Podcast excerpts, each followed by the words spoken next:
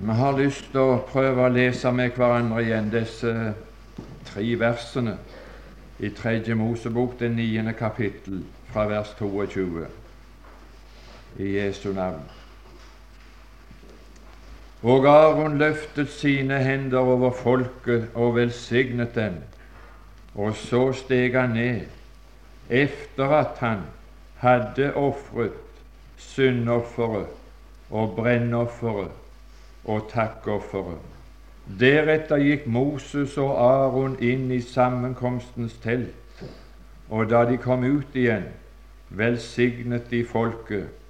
Da åpenbarte Herrens herlighet seg for hele folket, og det gikk ild ut fra Herrens åsyn og forterte brennofferet og fettstykkene på alteret, og hele folket så det og de ropte høyt av glede og falt ned på sitt ansikt.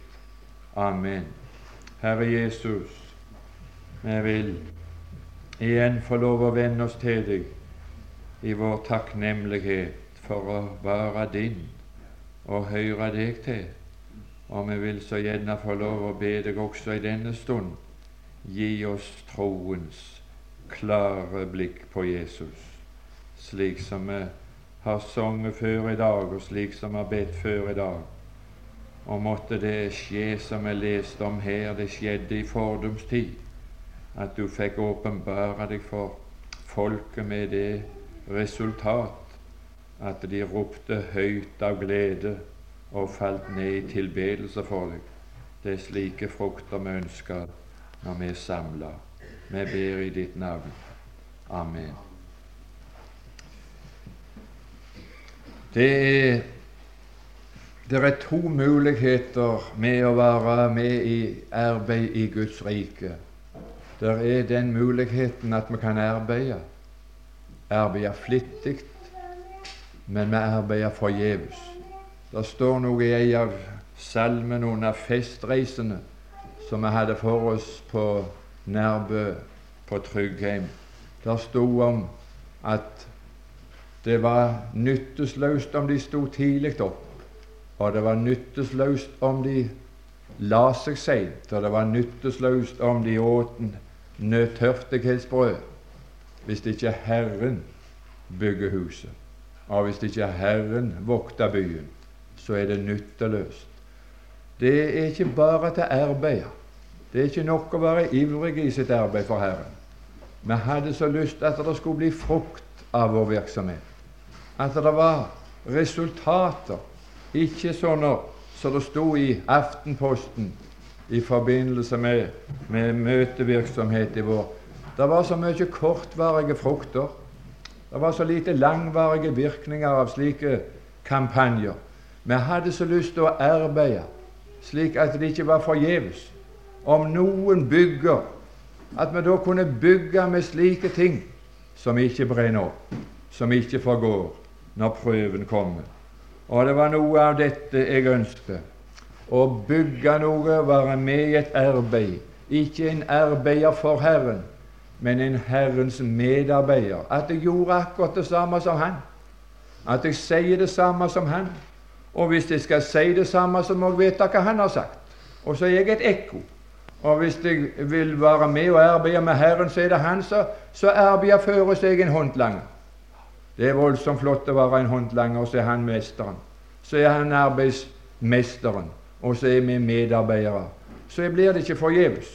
Da skal det, bli, skal det bli resultater av vår virksomhet. Og det resultatet som vi ønsket nå, det var ikke at det absolutt skulle bli så høyt, men at du ropte av glede.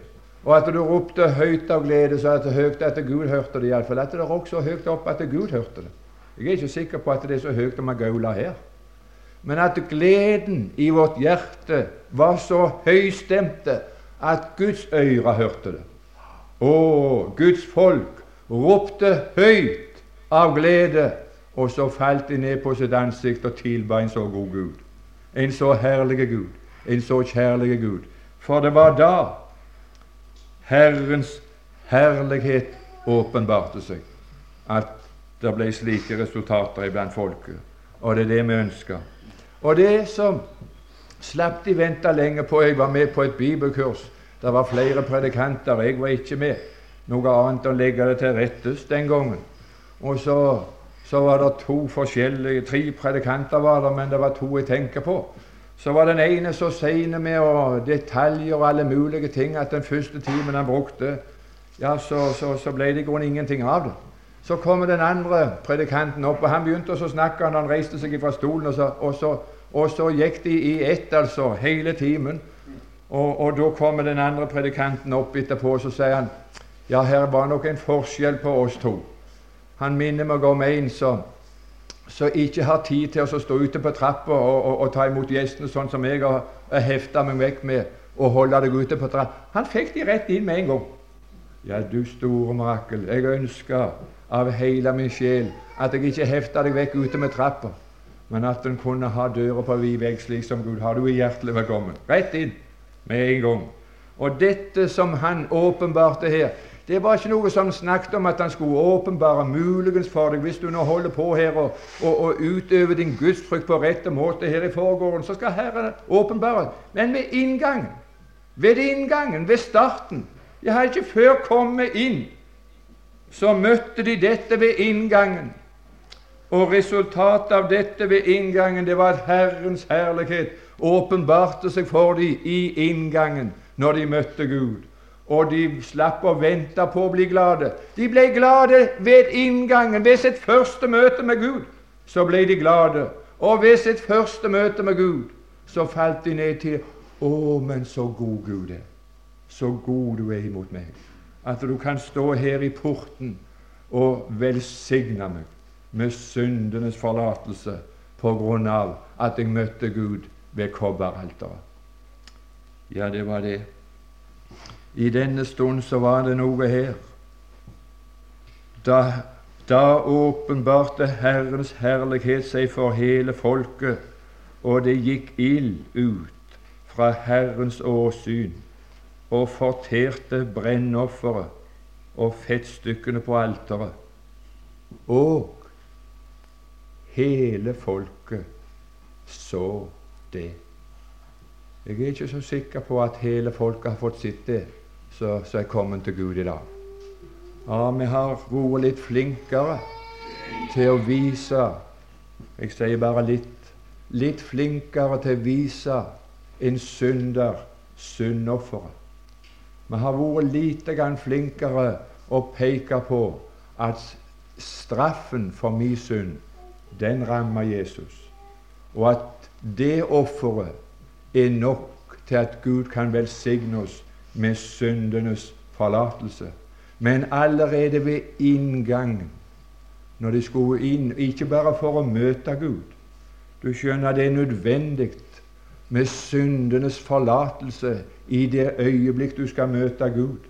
Ellers så kommer du ikke til å overleve. Ingen kan se Gud og leve som en synder.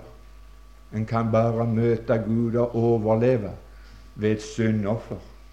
At synden straffen rammet ham, så har jeg fått fred.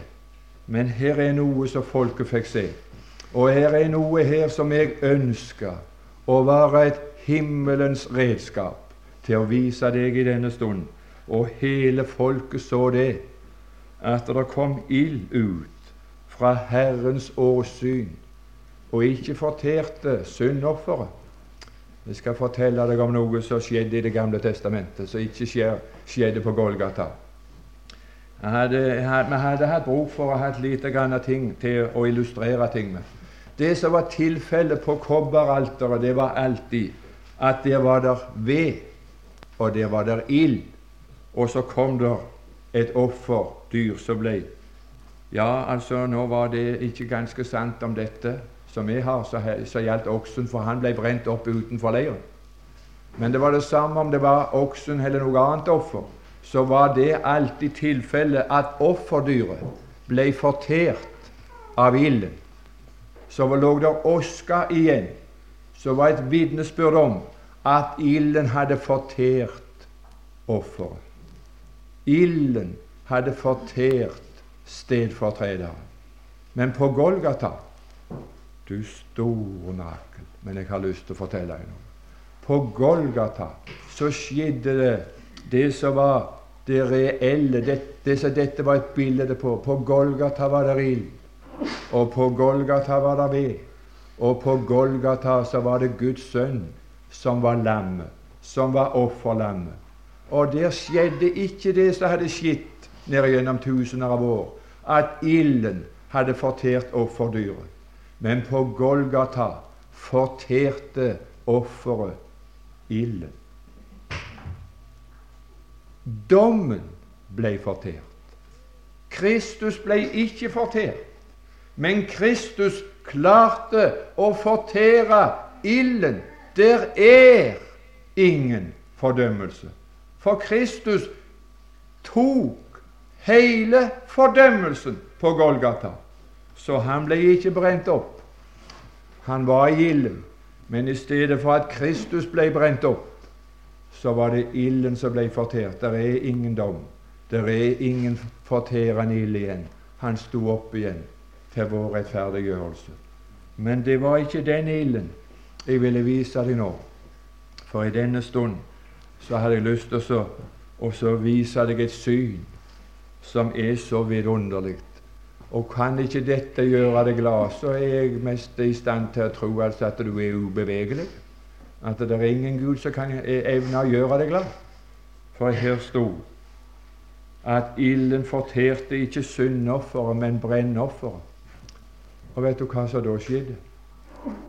Brennofferet når, når det kom på ilden og ble brent, så steg det opp en velbehagelig duft. Å, for en god duft! Det var en velbehagelig duft for Gud. Men det var også en velbehagelig duft for de som gikk forbi kobberalteret. Gud fant velbehag i Kristus, og jeg finner at Kristus blir til velbehag for meg. Jeg skal prøve ifra, første Mosebok.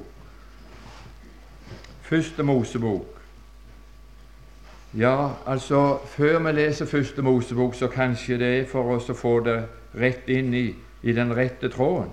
I Tredje Mosebok står det i det åttende kapittel og det attende vers hva det var som ble brukt som brennoffer. Det var ikke en okse. Men når de skulle ha et brennoffer som skulle bli til en velbehagelig duft når de brente det, så skulle det være en vær. Brennofferværen. Og han leser vi om i Første Mosebok, det 22. kapittel og det 13. vers. Om du kunne klare å se for deg dette bildet på Moria berg, som var det samme berg som Kristus ble ofra på, Golgata, så var det kommet så langt at Abraham han hadde lagt på veden, og han hadde lagt på ilden, og han hadde kniven i sin hånd, og han hadde bundet sin sønn Isak til alteret. Og så kommer denne røsten ifra himmelen så sier Hva er det du gjør, Abraham? Legger du hånd på gutten? Så var det et guddommelig inngrep, så stanset det. Og så står, leser vi Da nu Abraham så, så fikk han se en vær. Og den væren den ofra han til brennoffer i stedet for sin sønn. Han fikk øye på en stedfortreder, og denne stedfortrederen det var ikke et syndoffer, men det var et brennoffer. Har du fått sitt på Golgata en stedfortreder, en som treder inn i ditt sted, som gjør at det stiger opp en velbehagelig duft ifra deg som har dette brennofferet. Det er én ting å møte Gud og få syndenes forlatelse. Men vet du hva som er nødvendig for meg? Hvis jeg skal leve i samfunn med Gud og kunne nyte samfunnet med Gud, så er det ikke tilstrekkelig for meg med syndenes forlatelse. Men det er nødvendig for meg å vite at jeg er til velbehag for Gud hvis jeg skal kunne nyte samfunnet med. Du kan skjønne det at hvis jeg hver dag skulle måtte tilgi kona mi, så ville det ikke være noen nytelse. Men hvis det hver dag kunne være til velbehag for kona mi, og kona mi kunne være til velbehag for meg, så ville det være veldig trivelig å leve sammen. Og jeg skal fortelle deg det som gjør det trivelig for oss å kunne leve sammen med den hellige Gud. At allerede ved inngangen til et møte med Gud, så får vi ikke komme forbi før vi får se et syn ifra kobberalteret. Det er ikke bare et syndoffer som tar straffen bort. Det er ikke bare et syndoffer som gir oss syndenes forlatelse, men det er en, det er en vellukt som stiger opp av et brennoffer. Og Kristus gav seg selv for oss som en stedfortreder. Han gav seg selv til Gud som en velbehagelig duft for Gud. En gave til velbehagelig duft. Efeserbrevet 5,2. Kristus gav seg selv som en gave og et offer til en velbehagelig duft. Du har vel kjent denne duften ifra Golgata, ifra kobberalteret, ved inngangen til ditt møte med Gud. Det er ikke bare syndenes forlatelse, men det er noe som Kristus har gitt deg, og gitt deg som en stedfortreder.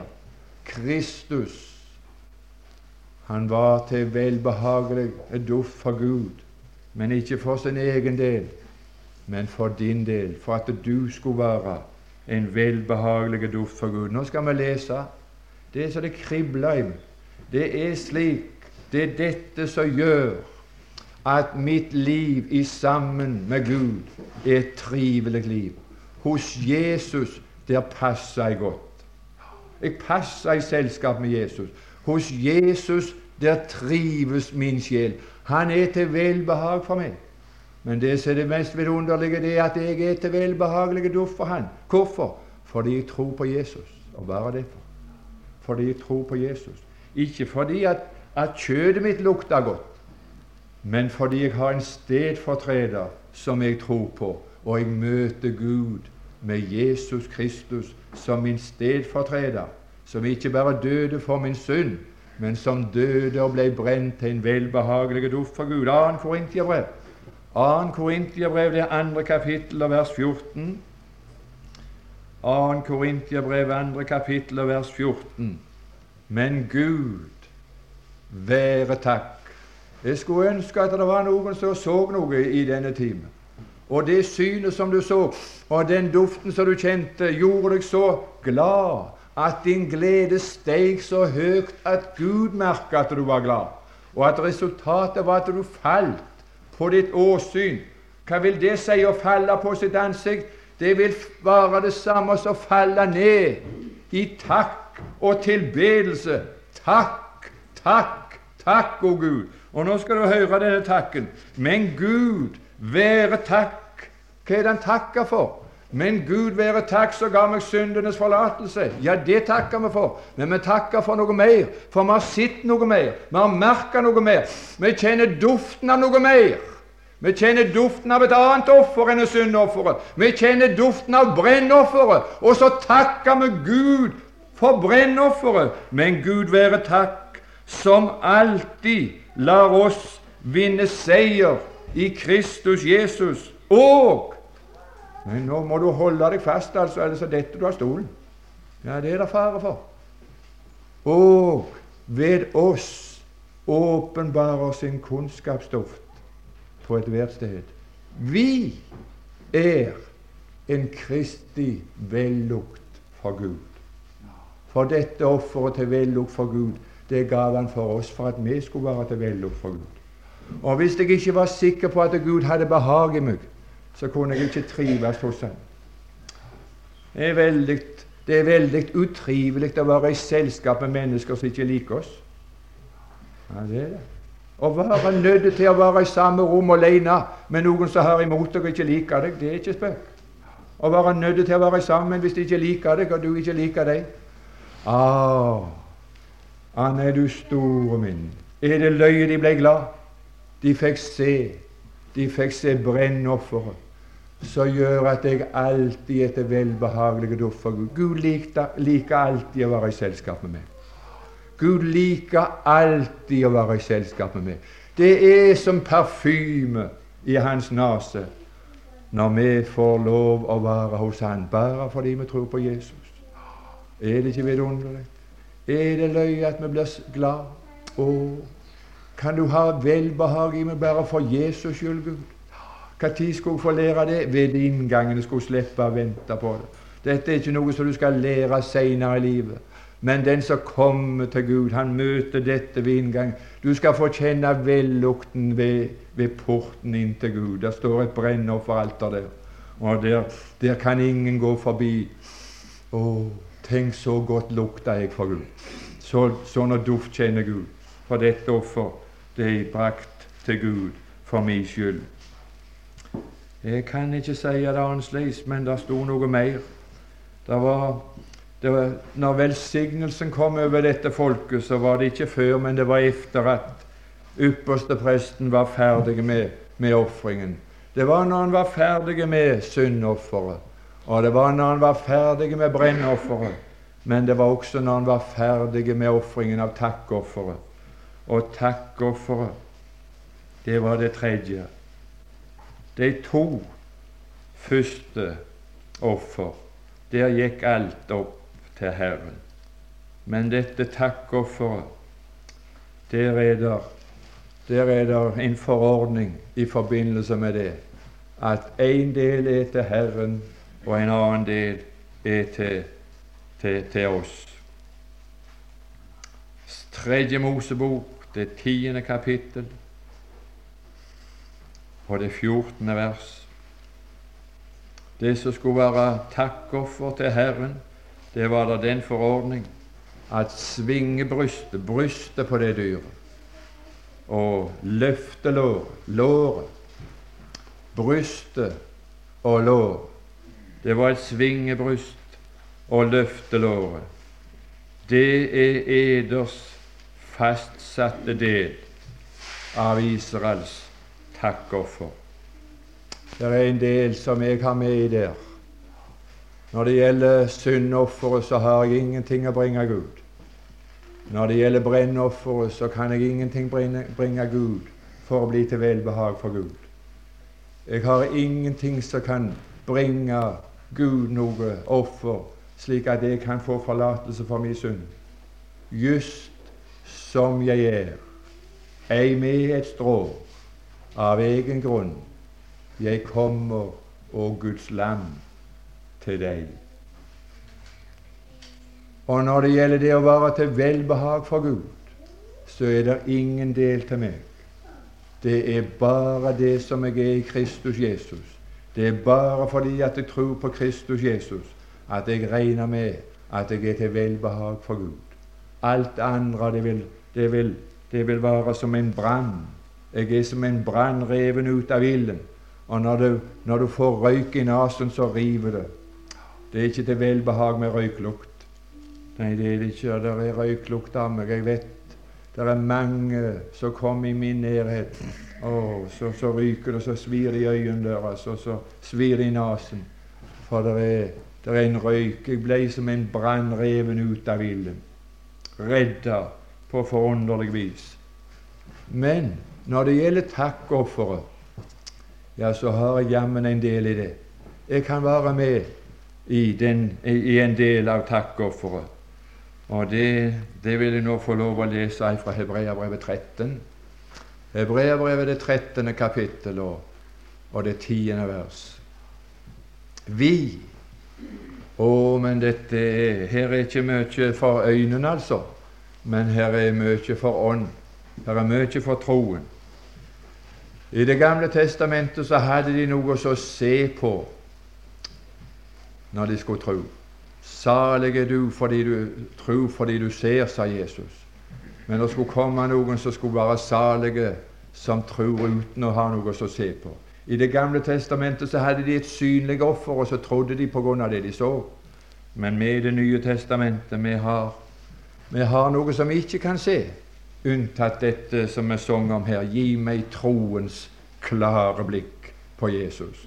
Og i det tiende verset av Hebreabrevet 13 så står det hva vi har. Vi har et alter. Ja, det har vi. Det er ikke bare i Det gamle testamentet de hadde et alter, men vi har også et alter. Men det alteret vi har, har de ikke rett å ete av, de som tjener ved teltet. Men vi har et alter. Men det alteret som vi har, det er utenfor leiren, for det var utenfor leiren Kristus led. Og det skal han prøve om vi kan se noe på. Som de ikke har rett til å ete av, de som tjener ved teltet.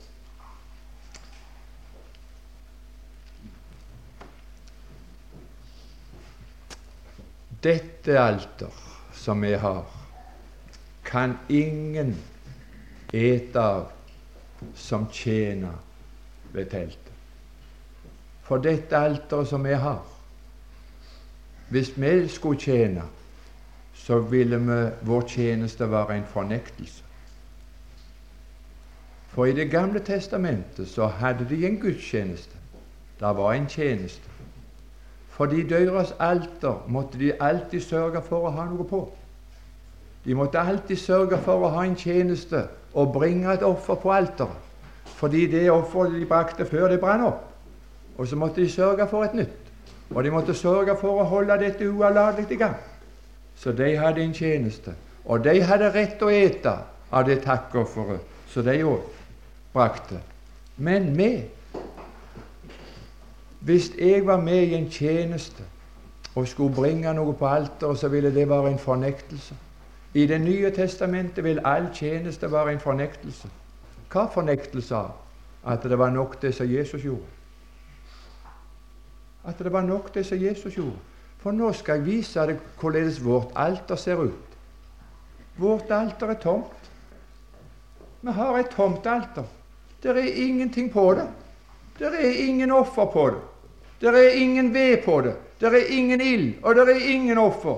Og jeg har ingen tjeneste til å sørge for å, å, å føre ild til, å føre ved på. Jeg har ingen tjeneste som går ut på å bringe noe syndoffer til Gud for å få forlatelse. Bringe noe brennoffer til Gud for å være til velbehag for Han. Jeg har ingen tjeneste i mitt liv. Har du et sånt alter? Alteret vårt er tomt, og grunnen for det er tomt, det er det at Kristus har vært på det alteret. Og når Kristus bar seg sjøl frem som et syndoffer, så fant han med sitt offer en evig forløsning. Han tok synden bort ved sitt offer. Og det er det jeg tror på. Jeg våger å møte Gud med et tomt alter. At Kristus velsigner meg med det fullbrakte verk. Han har ofra og kan velsigne meg med frukten av det han har gjort. Og det skal ingenting gjøres. Jeg har et tomt alter. Våger du å møte Gud med et tomt alter, med Golgata, som vitner om Han som var her i denne verden? Og før Han velsigner oss, så hadde Han brakt Gud ett offer for synder og funnet en evig forløsning. Det er et tomt alter. Og jeg møter Gud med et alter som er tomt for noe som skal gjøre meg velbehagelig for Gud. Jeg møter Gud med et alter hvor det har vært et offer som en gang for alltid har gjort den fullkomne som blir helliget. Kristi offer gjorde meg til en velbehagelig duft for Gud. Jeg pleier mitt samfunn med den evige Gud på grunnlag av det som jeg møtte eh, ved inngangen ved kobberalteret når jeg møtte Gud ved Jesus Kristus. Og jeg er en Kristi vellukt for Gud. For Gud. I Kristus Jesus. I Kristus Jesus. Så burde jeg ikke være det, men jeg er, jeg er en Jeg skal ingenting bringe på det alteret for å for å få Gud til oss. Nei, du er en fin, kjekk og snille gutt og snille, kjekk mann. Ingenting skal jeg bringe. Jeg er en Kristi vellukt for Gud på grunn av at jeg tror på Jesus Kristus. Har møtt Gud ved Kristus Jesus. Men det var en del Det, det var bare takkoffer det var en del til oss. Det var det eneste han lot det være noe til oss i. Og takkofferet, vårt alter, når det gjelder takkofferet, da står det La oss da ved ham alltid frembære takkoffer for Gud. Og så står det hva det er. Det er leper som lover Hans hellige navn. Der ved inngangen, der møter Gud ved syndofferet som har tatt synden bort. Når jeg blir minnet om min synd, så ser jeg Golgata som tok synden bort. Og så ser jeg og så kjenner jeg duften av Kristi brennoffer. Og så ser jeg jeg er en Kristi vellukt for Gud. Og så blir jeg så fullt av takknemlighet, så blir jeg så glad. Da folket så det og kjente denne duften, så ble de så glad. Ja, de ble så glad at Gud hørte det like til himmelen. Og så falt de på sitt ansikt, og så takka de. Alltid frembære lovoffer for Gud. Det er leper som lover Hans hellige navn. Vet du hva det står? Vet du hva det står? Slike offer tekkes Gud. Slike offer har Gud behag i. Er det ikke vidunderlig at jeg kan møte Gud og allerede ved inngangen gi Gud noe som han har behag i? Og det eneste jeg kan gi Gud som han har behag i, det er at leppene mine takker Gud. Og hva er det som kommer over leppene? Det er det som hjertet er fullt av, det taler munn. Og hvis ikke Gud får gi meg noe i hjertet, så, så kommer det ingenting ut her. Men nå har Gud utøst sin kjærlighet i våre hjerter ved Den hellige ånd. Og den kjærlighet han har utøst her, vet du hva det er for noe? Å, om det, om, om det kunne bli slik at du så, og virkningen av synet som du så, var at du ble så glad, og at du i din glede ropte så høyt at Gud hørte det, og at du falt på ditt ansikt. Jeg må få lov å lese Første Johannes brev, det fjerde kapittel.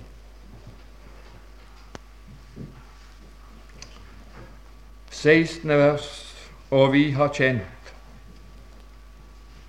og vi har trodd den kjærlighet som Gud har til oss.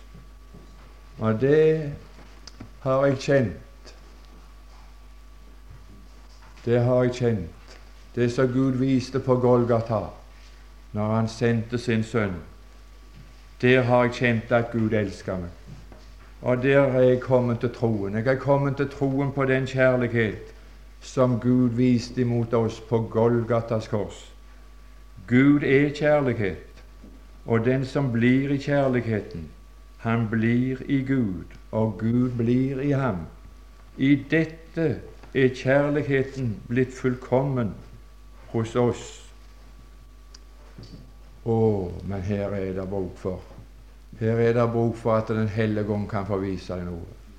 Her er ikke sagt at kjærligheten din blir fullkommen. Det er ikke tale om din kjærlighet. Men i dette er kjærligheten i dette er Guds kjærlighet blitt fullkommen hos oss, at vi har frimodighet på dommens dag. På svensk så står det at vi har frimodighet i spørsmål om dommedag. Når det er spørsmål om dommedag, har du da frimodighet? Du sier her. Har du kjent har du trodd? Har den fullkomne Guds kjærlighet fått virke slik i ditt sinn, i ditt hjerte, i din tanke, i ditt bevisstliv, i din samvittighet, at når det er spørsmål om dommedag, så har du frimodighet? I dette er kjærlighet blitt fullkommen hos oss, at vi har frimodighet på dommens dag. For like som Han er, like som Kristus er, like som stedfortrederen er, så er og vi i denne verden. Så har du syndenes forlatelse, så er du fri straff, så er du fridom, så er du en vellukt for Gud, for så som Han er. Kristus steg opp som en vellukt for Gud på Golgata når han brakte seg sjøl som et offer. Og som han er, så er vi i denne verden. Nå leser vi videre. Frykt, det er ikke i kjærligheten. Den som frykter Men den fullkomne kjærlighet driver frykten ut, for frykten har straffen i seg. Men den som frykter, er ikke blitt fullkommen i kjærligheten. Den fullkomne kjærlighet driver frykten ut.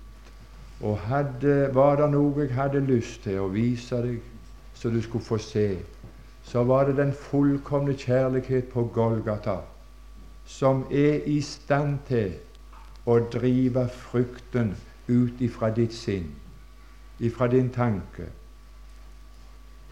hva er det som er årsaken til at noen av Guds barn frykter?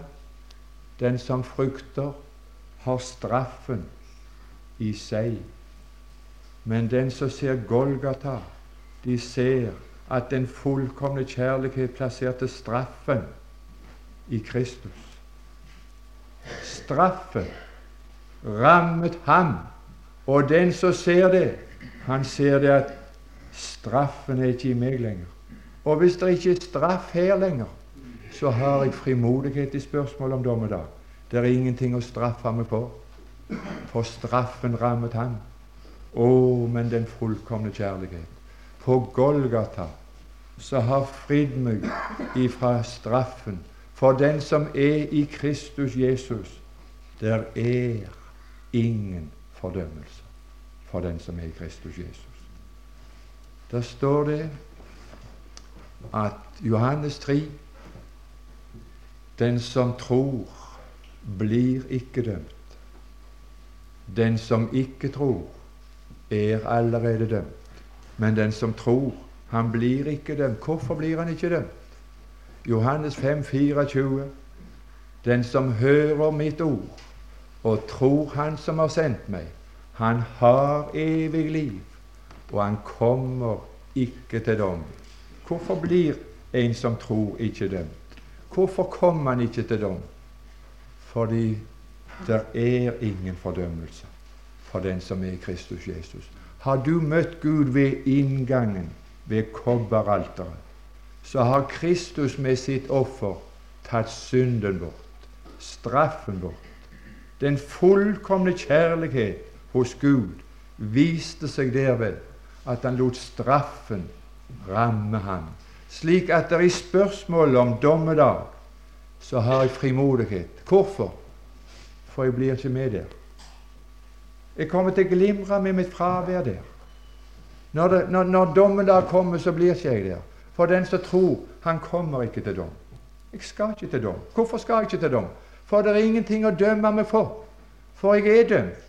Jeg ble dømt i Kristus Jesus. I Kristus Jesus ble alle mine synder dømt. Det er ingen fordømmelse. Å, å, å! Men de ropte høyt av glede og falt på sitt ansikt. Ha takk, o Jesus, for korsets smerte, for døden og for dine mange sår. Der fant jeg fred for mitt ærme hjerte, og vinteren, det ble til en livlig vår. Det som var botna frosset, det ble smelta med guddommelig kjærlighet, slik at det nå flyter over. Bare takk. Det leper som priser Hans hellige navn. Ikke bare det er velbehagelig for Gud. Hvis det var bare det, så hadde jeg sittet hjemme så hadde jeg sittet hjemme i storm og bare sittet der og takka Gud og pris Gud og, og, og, og, holdt det gående med lippene mine. Og, sang 'Og hvilken lykke Jesus og deg til å høre'. Så jeg sittet der i gyngestoler. Bare sang ja. Men det står det altså ikke slikt offer tekkes Gud, men slike offer. Hvilke offer? Det er to. La oss ikke glemme å dele med andre og gjøre godt. For slike offer tekkes Gud. Så når jeg kom til, til Lyngmo for å være med på bibelkurs, så var det for å dele med andre dette vidunderlige som Gud har gitt meg og vist meg. Å gjøre godt. Å gjøre godt på den måten Jeg er ikke kommet til Lyngmo og til Sogn som en Herrens skatteoppkrever og så skal, skal skattlegge deg at hvis du gir såpass, hvis du gir, gir Gud det, så skal du få det, og da skal det bli rett med deg. Men altså, når jeg kom her, så kom jeg for å gjøre godt. Og jeg skulle komme, kom her til, til, til, til Sogn og til Lyngmo for å gjøre godt på en bestemt måte ved å dele med andre. Det det eneste, den eneste måten jeg kan gjøre godt på, det er å dele med andre det som Gud har gitt meg. Og da vet jeg at Gud har velbehag i min virksomhet. Slike offer, mennesker som er fylte av takknemlighet for det Jesus har gjort, og så synger 'Det er nok, det som Jesus gjorde'. Det er nok. Det er nok for tid. Det er nok for evighet. Det er nok for meg. Det er nok for hvem som helst. Her er overflod. Å, må vi gjøre godt og dele dette med andre. Hvem som helst kan bli frelst, som til Gud seg vender. Herre Jesus, vi faller på vårt ansikt i tilbedelse. Gud være takk, som alltid gir oss seier ved Jesus Kristus, og ved oss åpenbarer sin kunnskapsduft på ethvert sted. Vi er en Kristi vellukt. Å, jeg skal prise deg, jeg skal takke deg fordi du gjorde meg skikket til å komme til deg og være hos deg på en måte så at jeg kan trives hos deg, Jesus. Hos Jesus der trives min sjel så usigelig vel. Og grunnen til at jeg trives der, det er på grunn av det jeg vet jeg er i Kristus Jesus. Velsign den enkelte for å se disse dyrebare sannheter. Amen. Vi synger et vers, og så tar vi en pause.